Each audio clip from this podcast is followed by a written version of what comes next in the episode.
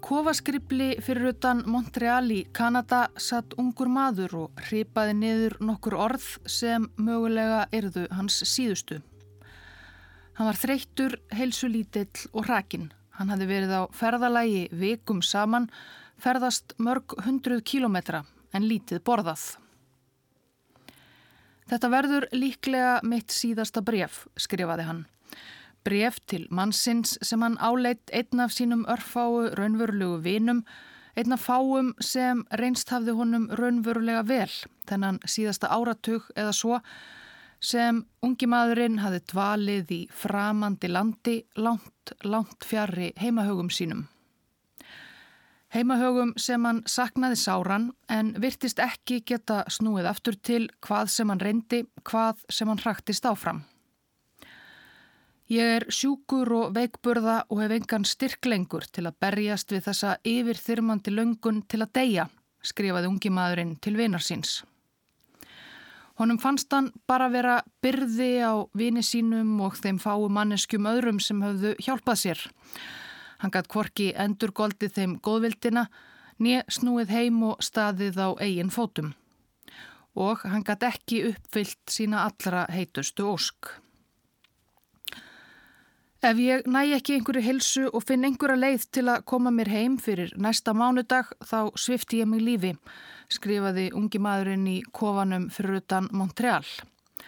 Hann var átján eða 19 ára gamall, gömul kona hafði skotið skjólshúsi yfir hann í kofa sínum og gefið honum samlóku til að seðja sárasta hungrið. Þú veist að ég stend við orð minn. Bless, kæri vinur, mín síðustu orð til þín eru takk. Á mánudaginn er það bless, bless.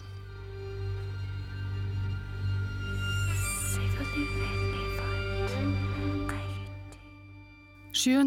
september 1909 hrópaði forsíða bandariska stórblaðsins New York Times á lesendur Peri uppgötvar Norðurpólinn eftir 8 tilraunir á 23 árum. Já, bandarískur landkönnuður Robert Perry, öllum lesendum Times kunnugur fyrir markvísleg afreiksín í könnun Norðurslóða undan farin ár, hafði tekist það. Hið langþráða takmark konnuða og ofurhuga, hann hafði komist manna fyrstur á heimsins nýrsta stað, Norðurpólinn. Eða hvað? Lesendur Times klóruðu sér kannski í kollinum því um viku fyrr hafði keppinautur Times, æsifréttablaðið New York Herald, sagt á forsýðu sinni frá þeim stórtíðendum að annar bandaríkjamaður, doktor Fredrik Cook, hefði manna fyrstur komist á Norðurpólinn og það fyrir ári síðan 1908. Það var bara fyrst nú sem hann komst til byggða að segja frá þessu afreiki sínum. Þetta var alltið undarlegasta mál. Þeir Peri og Cook höfðu einu sinni ferðast saman á norðurslóðir áratugum áður en síðan orðið svarnir óvinnir og keppinautar á sviði heimskvötakönunar. Bandarískir prentmiðlar voru vikum og mánuðum saman undirlagðir af deilu mannana tvekja. Sitt síndist hverjum. Blöðin og bandarískur almenningur skipuðu sér í fylkingar. Hvor hafði komist fyrr á Norðurpólinn, Peri eða Cook. Síðar átti eftir að koma í ljósað líklegast komst hvorugur bandaríkjamannana alla leið á Norðurpólinn í raun og verum. Það áttu eftir að líða all nokkur ár þanga til nokkur maður komst þangað og gatt fært fyrir því óíkjandi sannanir eins og drepið hefur verið á hér í þessum þætti áður. En, ótrúlegt en satt, er þetta í raun alls ekki saga um leitina að Norðurpólnum. Heldur um einstakling sem flæktist óviljugur inn í kapplaup vesturlandabúa um að komast fyrstir á óljósan landfræðilegan punkt og leið fyrir það til æfi loka.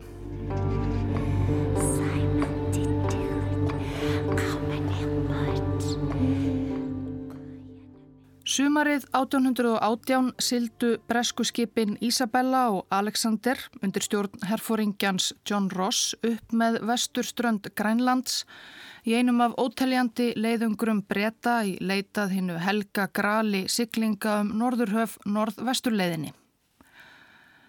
Skipin voru komin langt norður fyrir heimskautsbaug, langleiðina að norð-vestur 8 Grænlands, dag nokkurnum miðjan ágúst þegar skipverjar komu auga á fólk í fjarska. Þá rak í rógastans, grunaði ekki að nokkrar manneskjur byggju svo langt í norðri. Fólkið á landi rak líka upp stór augu þegar breytanir byrtust. Þannig var annað fólk. Þanga til á þessari stundu hafðu þau verið handvissum það að þau væru eina mannfólkið í veröldinni.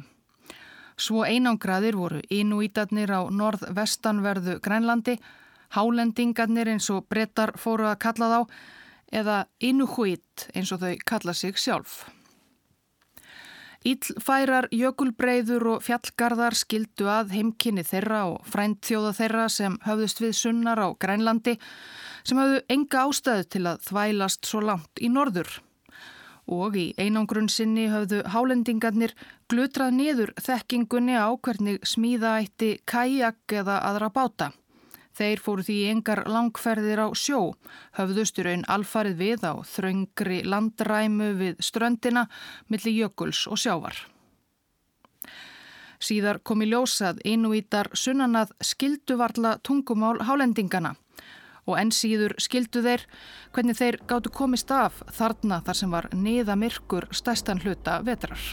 Já, já, já, já.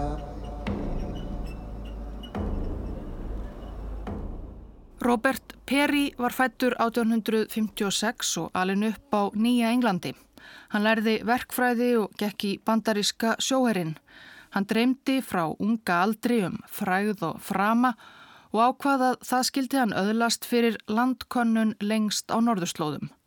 Þar var enn nóg að finna og vinna. Peri sildi eftir vesturströnd Grænlands á kvalveiði skipi 1886 og ákvaða því loknu að hann væri maðurinn til að kortleggja hérna fjarlægu og fáförnu norðurströnd Grænlands, ljúka þannig við að teikna upp útlínur landsins og komast endanlega að því hvort að væri eiga eður ein. Peri tók sér leifi frá herþjónustu og sildi norður með hópi bandaríkjamanna í júni 1891. Læknir þessa leiðungurs var doktor Fredrik Kúk verðandi keppinautur Perís.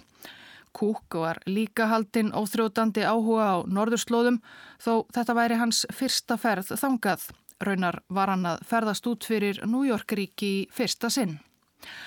Um síðari ævintýri eða rakfarir Fredrik Kúk smá annars heyra í þætti í ljósi sögunar frá árinu 2021 um Belgíka leiðangurinn svo kallaða á Suðursköldslandið. En frá 1891 til 92 dvöldu Peri og félagar hans yfir myrkan heimskautaveturinn í McCormick fyrði á norðvesturhortni Grænlands, heimkinum Inuhuit þjóðarinnar eða hálendingana. Þeir voru þá orðnir vanir skipakomum og heimsóknum kvítnefi að sunnan. Þarna komi við orðið bæði landkönnuðir og kvalveðskip. Það hentaði hálendingunum sem voru eitthvað á bylnu 2-300 talsins alls ágætlega. Þeir gáttu verslað við aðkomufólkið með ímislegt sem þá vanhagaði um þarna á hjara veraldar. Hálendingarnir áttu til að mynda lítið sem ekkert timpur Það hafði verið stór tíðindi ef einasta rekaviðardrömb rak á land. Þegar kvítir menn fóru að koma siglandi á viðarskipum sínum þegar leið á 19. öldina litu hálendingarnir þau gerndar augum. Robert Perry var skinsamur að því leiti að þann áttaði sig á að ætlaði hann að láta drauma sína um afreg á norðurslóðum rætast til að geta lifað af í þessu harðineskjulega umhverfi erði hann að læra af lifnaðarháttum innfætra. Fyrsta vetur sinn á Grænlandi stútiraði hann allt sem hann gatt, hvað innúhóit fólkið átt, hverju þau klættust, hvernig þau veittu. Hann læriði að hlaða snjóhús og reka hundasleða. Ekki er þó hægt að segja að Peri hafi borið mikla virðingu fyrir þessum kennurum sínum. Hann áleitt óneitanlega frömbyggjana vera honum kvítamanninum og æðri þó þeir væri svo sem ágætir til síns brúks. Ég er oft spurður hvaða gagn gera eskimóar heiminum. Þeir búa of afskekt til að koma að notum í nokkru viðskiptaframtæki og það sem meira er, þeir eru metnaðarlausir. Þeir eiga engar bókmentir nýja nokkara almennilega list til að tala um. Þeir meta lífið jafn mikið og refur eða bjartir af eðliskvötinu engangu. En gleymum ekki að þetta fólk, áræðanlegt og hardgert, mun sanna gildi sitt fyrir mannkinni. Með þeirra hjálp munum við finna Norðurpólinn. Ínúítunum á norðvestanverðu Grænlandi varuðvitað nokk sama um Norðurpólinn.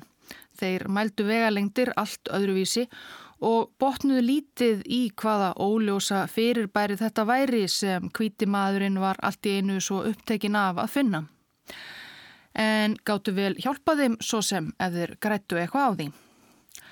Eftir fyrsta veturinn 1891 til 92 varð Robert Perry tíður gestur til hálendingana í norðvestri sem hann leta ekki bara að kenna sér heldur einnig vinna fyrir sig. Í skrifum sínum fór hann mikinn um það hver vel hann reyndist þessum vesalings skrælingum með því að færa þeim matvæli, verkfæri og annan varning. Meðal hálendingana voru skiptar skoðanir á aðkomumanninum. Við fæsta kom hann fram af virðingu. Árið 1967 rifjaði gamal maður í nýrsta Þorpi Grænlands upp kynni sín af Peri þegar hann var ungur drengur. Fólk var rætt við hann. Hann var mikill leðtogi. Mar hafði alltaf á tilfinningunni að ef maður gerði ekki það sem hann vildi, myndan dæma mann til döða. Ég var ungur en ég gleymi aldrei hvernig hann kom fram við okkur innvíta. Stóra skipið hann spyrtist í fyrðinum og hann rópaði Ég er að koma. Einúítarnir fóru um borð. Peri let flytja tunnu af keksi upp á dekk. Tveir eða þrýr veiðimenn begðu sig yfir tunnuna og fengu sér með báðum höndum.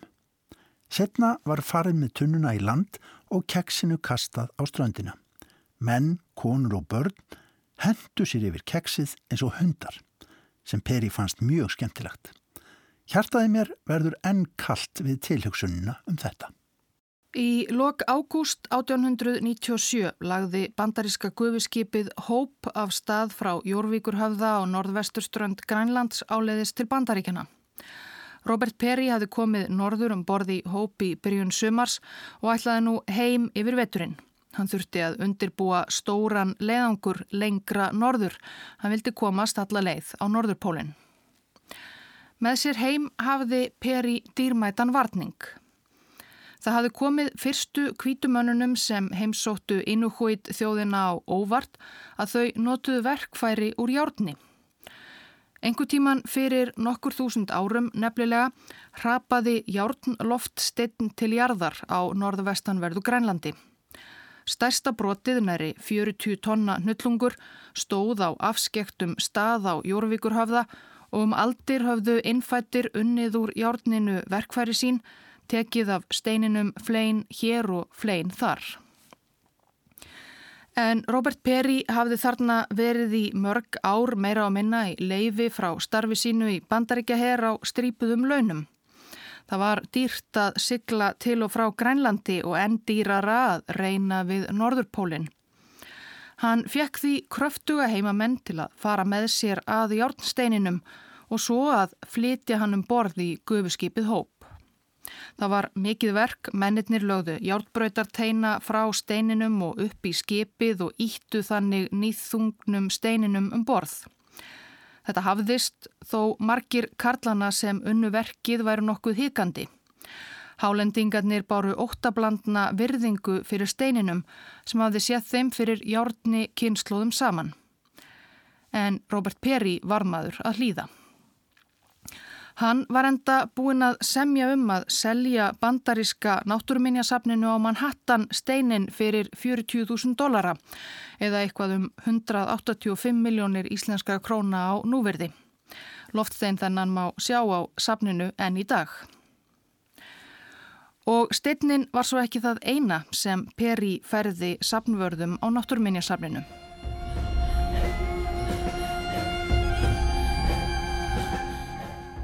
Meðal karlana sem íttu loftsteininum um borði gufuskipið Hóp voru þeir Núktak og Kísúk. Núktak var á 50-saldri, rómaður, veiðimaður og kraftajötun. Kona hans Atangana þótti mögnuð galdrakerling. Kísúk var nokkur márum yngri að nálgast fertugt, hávaksinn, einnig þektur sem góður veiðimaður, léttlindur og vel liðin bæði af eigin fólki og kvítamanninum. Bæði Núktak og Kísúk höfðu unnið mikið fyrir Robert Perry undanfarin ár og konnuðurinn áleitt þá meðal sinna bestu manna. Og nú ætlaði hann aldeilis að launa þeim tryggð þeirra. Ég man mjög vel þegar stóra skipið kom þangað sem ég bjó með pappa mínum og fólkinu mínu. Ég var lítill strákur og ég hafði aldrei áður séð skip. Ég hafði aldrei séð neitt starra en kajakinn hans pappa.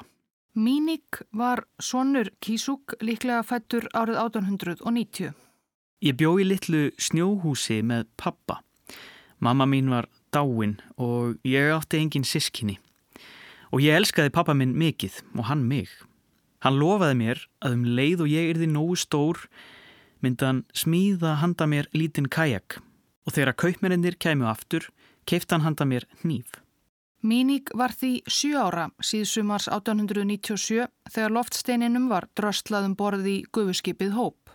Perry spurði hvort einhver okkar vildu ekki fara með honum þar sem væru stórar byggingar og járbröytalestir og margt fólk og þar sem sólinn skín alla daga vetrarins og fólk þarf ekki að vera í þungum feldum til að halda á sér hita. Hann lofaði okkur fínum hlýjum húsum í sólskins landinu og bissum og nýfum og nálum og alls konar. Svo að dag einn sildu við til New York. Aug loftsteinsins fóru sex hálendingar um borði hóp, Núktak og kona hans, seið konan Atangana og dóttir Núktaks Aviak, 12 ára. Feðgarnir Kísúk og Míník og loks Vísa Kassak, ungur maður sem hafði sérstaklega beðið um að fara með. Fólkið okkar var smegt við að leif okkur að fara en Perry lofaði að Núktak og pappi kæmu aftur innan árs og með mikið af bissum, skotfærum, timbri og járni og gjöfum handa konunum og börnunum. Svo að pappi taldi að fyrir allt þetta ættu þeir Núktak að fara. Og pappi vildi ekki fara án mín svo við kvöttum og fórum um borði í skip Perrys. En Peri var ekki að bjóða hálendingunum far til Ameríku bara til að launa þeim tryggð og vinnu til að sína þeim háhísin á Manhattan og sækja skotvopn. Í raun og veru var hann búinn að semja við velgjörðarmenn sína á náttúruminjasafninu í New York um að færa þeim lifandi innvíta að stútira í návíi. Forstuðumæður mannfræði Dildar Sapsins, doktor Frans Bóas, hafði reyndar aðeins beðið perjum einn innúíta en könnuðurinn átti mikið undir góðu samstarfi við náttúruminjasafnið. Væri ekki bara enn betra að senda honum sex?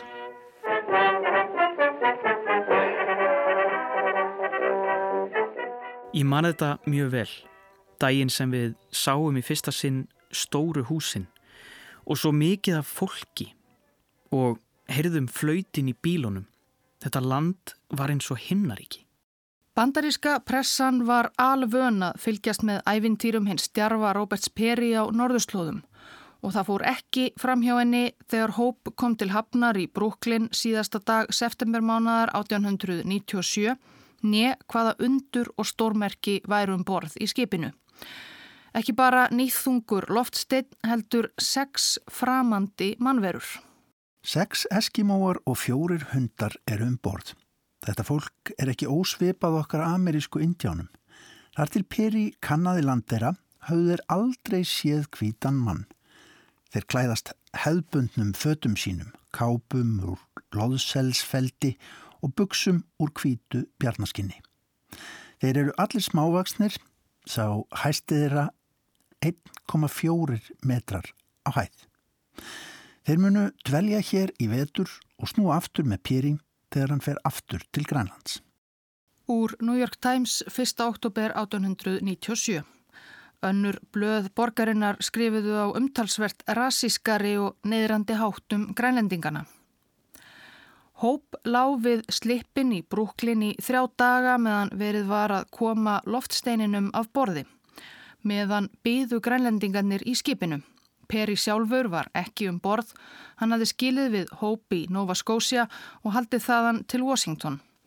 En New York búar flyktust að til að bera fyrðuverur hans augum. Tíu þúsund manns heimsóttu slippin í gær til að fylgjast með þegar loftsteinnin var fluttur frá borði. Síðan fór fólkið um borði í skipið til að sjá eskimóana sem hefðu klætt sig í þjóðbúninga sína. Börnin tvö vöktu talsverða aðtikli og fengur ríkulega af salgæti og hnetum sem þau vertust kunna mjög vel að metta. Sælgætið fór endar illa í þau aviak og míník en það voru þau vönust í að borða rátt kjött ekki ameríst gotteri. En New York Times sagði einning frá því 3. oktober að til stæði að flytja grænlendingana á náttúrminjasafnið þar sem þeir myndu svo dvelja. Vandin var að engin á safninu hafði átt von á sex grænlendingum sem sjá þyrti um. Korki Robert Peri nýje forstuðumadur mannfræðideildarinnar Frans Bóas hafðu einu sinni sagt formanni stjórnar Sapsins, vel auðugum bankamanni Morris Ketchum G-Sup, frá því að þetta stæði til. En einhver staðar var það komað þeim fyrir. Í kjallara Sapsins var William Wallace, umsjónarmanni bygginga Sapsins, falið að útbúa vistarverur fyrir grænlendingana 6. Þetta spurðist fljótt út og forvitnir New York búar streymdu þá á náttúruminjasafnið til að sjá innvítana. Þeir áttu ekki að vera almennt til sínis, ekki enn allavega, en Wallis húsförður leifti þó nokkrum fjölda niður í kjallara að skoða þá. Aðrir gestir eruð að láta sér næja að pýra innum kjallaraglöka í vonum að sjá grænlendingunum bregða þar fyrir.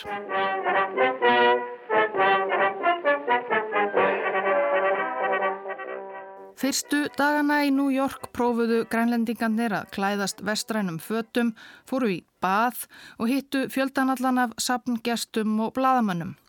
William Wallace húsvörður fór með míniglitla í Central Park þar sem mínig sá margt framandi og spennandi, reyðhjól og hesta sem hann kallaði stóra hunda, en líka ímislegt kunnulegt eins og íspjörnin í dýragarðinum. Hittin reyndist grænlendingunum erfiður sem og mannfjöldin allstæðar. Og þegar þau hafðu bara dvalið í stórborginni í örfáa daga voru þau all komin með kvef. Vitanlega hafðu þau engar varnir fyrir öllum þeim framandi síklum og veirum sem gengu manna á milli í stórborginni og þau hafðu aldrei komist í tæri við áður. Bandarísku blöðin hendu gaman að því þegar seðkonan Atangana, eiginkona Núktags, reyndi að særa lasleikan úr þeim með því að fara með galdraþulur. En allt kom fyrir ekki. Andatnir virtust ekki ansa þeim þarna í útlandinu. Grænlendingarnir urðu bara verri. Von bráðar voru þau flest komin með lúnabólgu. Í byrjun november tæpum mánuði eftir komið þeirra voru grænlendingarnir fluttir á Bellevue spítalan á Manhattan. Þar náðu þau öll sæmilegri heilsu á ný. Eftir spítaladölina fluttu grænlendingarnir svo í einbillishús sem Wallace húsvörður átti á Bronx þar sem þau gáttu verið meira útaf fyrir sig og vonandi fjarrri hættulugum síklum almennings. Ung inuítakona frá Labrador í Kanada var ráðinn til að vera þeim innan handar. Hún gæti eitthvað að talað við grænlendingana þó máliskur þeirra væru mjög ólíkar. Annars hafði aðkomi fólki lítið við að vera. Ekki gottu þau farið á veiðar eða ekkið sleða. Þau sátu yfirleitt bara á tálguðu eða drukku heilu könnurnar af kaffi sem þeir voru fljóta að fá smekk fyrir. Í februar 1898 voru grænlendingarnir svo afturordnir veikir, bæðið þau fullordnu og börnin og voru öll lögð aftur inn á Bellevue spítala. Nú var ástandið á þeim enn verra. 17. februar 1898 lést veiðmaðurinn Lettlindi Kísúk, fadir Mínix, úr Berklum. Hann var mér dýrmætara en nokkuð annað í veröldinni. Sérstaklega eftir að við vorum fluttir til New York í ókunnugt land. Sagði Míník síðar þegar hann myndist dauða föður síns. Þú getur ímyndaðir hver nánir við urðum við það. við veikindin og þjáninguna og skilningsleysið á öllu því undarlega í kringum okkur.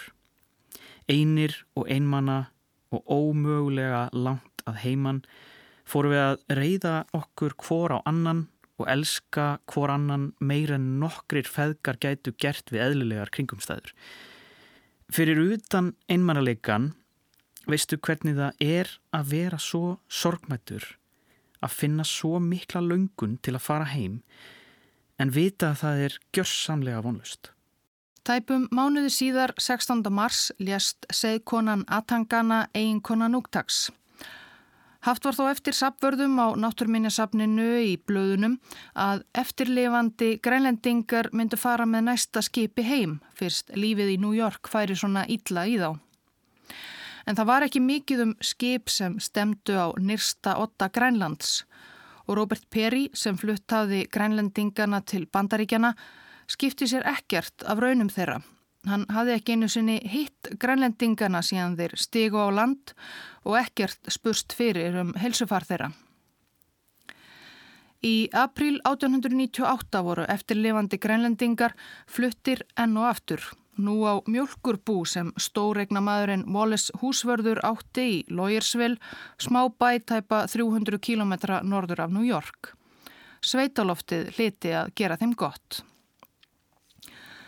Míniglitli hafði náð svo gott sem fullri heilsu en hinn þrjú voru enn veikburða og verðu ekki betri. Kraftajötunin og veiðimaðurinn Núktak lést 14. mæ og dóttir hans Aviak, 12 eða 13 ára, lést 10 dögum síðar. Ungi maðurinn Vísakassak og míniglitli voru þá tveir eftir á lífi.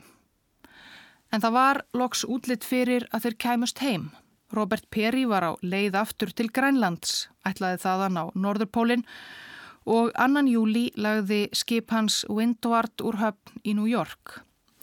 Vísakassak dansaði af gleði á þilfarinu. Hann var ánaður með að komast heim, saði hann bladamönnum með hjálp tólks og úr þessari stingandi sól. Hann kunni ítla við sig í Ameríku, sagðan, það var of heitt og hverki rostungakjött að fá en Vísakassak var eini grænlendingurinn um borði í Vindvart.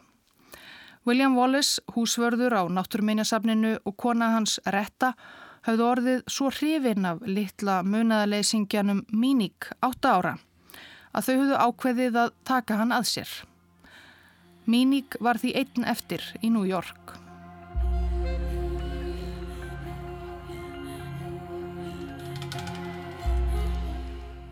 Míniglitli hafði hingað til plumað sig best af löndum sínum í útlandinu. Hann hafði náð ágætri helsu, lært þó nokkra ensku og var orðin fjölskyldu Wallis húsvarðar nokkuð náinn.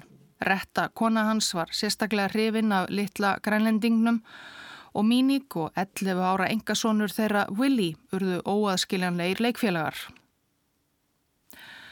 Þau vildu því síður hveði hann og Morris Ketchum Dísöp, formaður stjórnar náttúrumeinja sapsins, kvatti hjónin eindreið til að taka drengin að sér. Wallis hjónin ætlitu mínigaldrei formlega en hann tók upp eftirnafn þeirra og af einhverjum ástæðum líka sem millinafn nafn mannsins sem hafði gappaðan til Ameríku, Míník Perry Wallis. Næstu missurinn bjó Míník með volisfjölskyldunni annars vegar á heimili þeirra í Bronx og á mjölkurbúinu í Lójarsvill. Hann var sérstaklega hrifin af sveitinni. Míník vissi ekkit betra en að leika sér úti þó hitin og rakin væru honum ekki alltaf að skapi. Hann var fljótur að læra hjóla, skauta og spila fót og hafnabólta. Sumt sem hann tók upp á vakti þó furðu annara Hann greip stundum fiska upp úr ám með berum höndum og borðaði þá hráa. Míník fór reglulega með Wallace á náttúruminjasafnið þar sem fræðingarnir þar ríndu í atgerfi hans og háttalag og hann sjálfur nöyt þess að skoða grænleinska gripi sem Peri hafi flutt á safnið og myndu hann á fyrra líf hans í Ísnum. Blaðamenn heldu áfram að sína honum reglulega aðtegli og fluttu frettir af því hvernig hann hefði það. Flest voru blöðin sammála um að Míník hefði verið mikill greiði gerður. Ef það er einn ungur piltur í þessari borg sem hefur ástæðu til að vera þakklátur fyrir breytingu á sínum högum er sá piltur Míník. Fættur í landi þar sem lífið hefur enga dýbri merkingu en að komast líkamlega af, hefur hann fyrir slistni verið fluttur á ameríst heimili til að njóta alls þess sem það hefur upp á að bjóða. Hann er nú orðin bandaríkjamaður. Míník byrjaði í skóla og fekk enga kennslu í ennsku og stærfræði. Hann var duglegur nefandi og var fljótur að ná jafnöldrum sínum í náminu.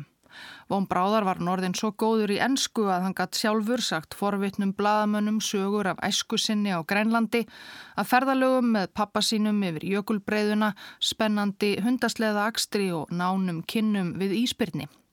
Hann fór líka í sunnudagaskóla og lærði að byggja til Guðs fyrir hátinn.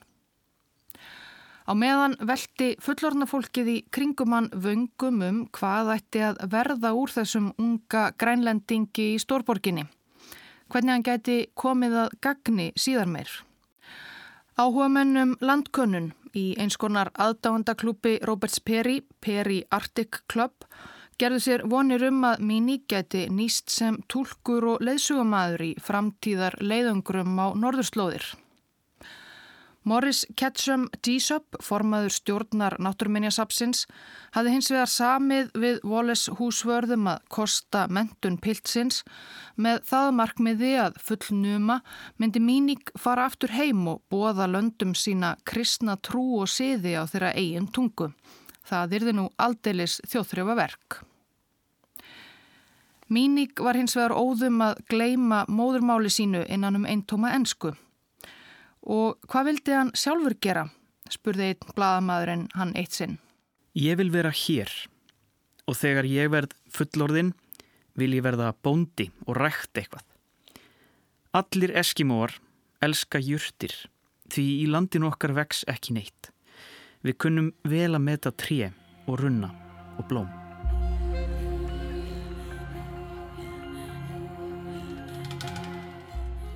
Veturinn 1900 dró skí fyrir sólu í þægilegu lífi Wallace fjölskyldurnar og fóstursonarins Minix.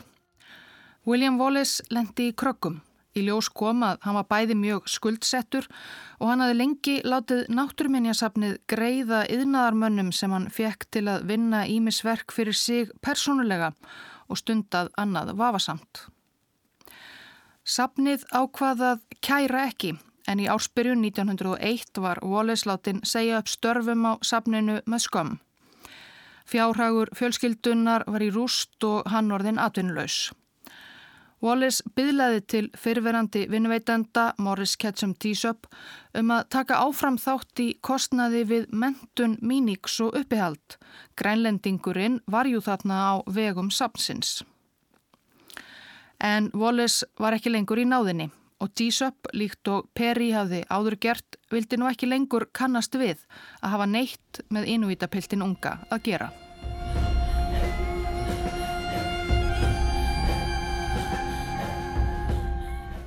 Í mars 1904 lést eiginkona Wallis og fósturmóðir Minix Retta úr hjartveiki. Wallis var þá orðin nær eigna laus. Eldri drengurinn Willi nálgæðist fullorðinsaldur og var farin að sjá um sig sjálfur. Míník var bara 14 ára. Þeir Wallace fluttu inn í pínuleitla ömurlega íbúð í borginni þar sem þeir hýrðust í fátækt. Míník var það hætta í skóla, það voru oft dýrt. Tilraunir Wallace til að fá G-Sup eða aðra forstuðumenn náttúruminja sapsins til að hjálpa sér með drengin báru aldrei árangur. Míník gæt nú ekki lengur leikið sér úti í náttúrunni eða stundað íþróttir. Hann var raunar alltaf að verða þingri og þingri í lund. Hann var þögull og grétt reglulega. Og bandarísku blöðin höfðu mörgum árum fyrr mist áhugan á Míník. Hann var flestum glemtur, bara einn af ótal framandi fugglum í sögu New York borgar. Þar til í janúarbyrjun 1907 að sunnudagsblað New York World byrti heilsíðugrein með stórri teikningu af Míník 17 ára í innvítaklæðum sorgbytnum að sjá fyrir utan náttúrumeinjasafnið á Manhattan. Láti mig hafa lík föður míns, saga Eskimódrengsins Míník sem býr í New York og vill mest af öllu bein föður síns frá náttúrumeinjasafninu. Eskimódrengurinn Míník vildi einungis eina jólagjöf en hana gata hann ekki fengið. Hann vildi fá bein föðu síns til að koma fyrir í kirlátir gröf einhver staðar þar sem að þau mættu kvíla í friði að eilifu.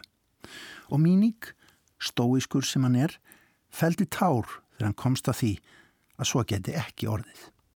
Öll árin þennan næri áratug sem Míník hafi búið með William Wallace hafði hinn síðar nefndi búið yfir hryllilegu lendarmáli. Míník hafði stæðið þeirri trú að ástkær fadir hans sem lést úr Berklum á Spítala á Manhattan hefði svo verið greftraður að grænlenskum sið. Þegar Míník syrði föður sinn munaðleysingin gata hann alltjönd huggað sig við að sál hans hefði fengið sómasamlega brottför í handanheimin. En svo var alls ekki. Líkami veiðumannsins Kísúk, föður Míníks, hafði mátt þóla ömurlegar niðurlægingar eftir andlátið og limlestingu. Og hver af öðrum höfðu starfsmenn Náttúruminjasaps bandaríkjana í New York logið að sinni hans og leikið á hann árum saman. Þegar Míník komst loksað hinnu sanna fyltist hann bæði sorg og reyði. Hann hétt því að bjarga föður sínum og hann tók fyrstu skrefin á því ferðalægi sem átti eftir að leiða hann í kofa gamallar konu í útjæðri Montreal í Kanada þar sem grænlenski drengurinn Míník ætlaði að binda enda á vonlausa tilveru sína svo langt að heiman. En við komum að því næsta þætti.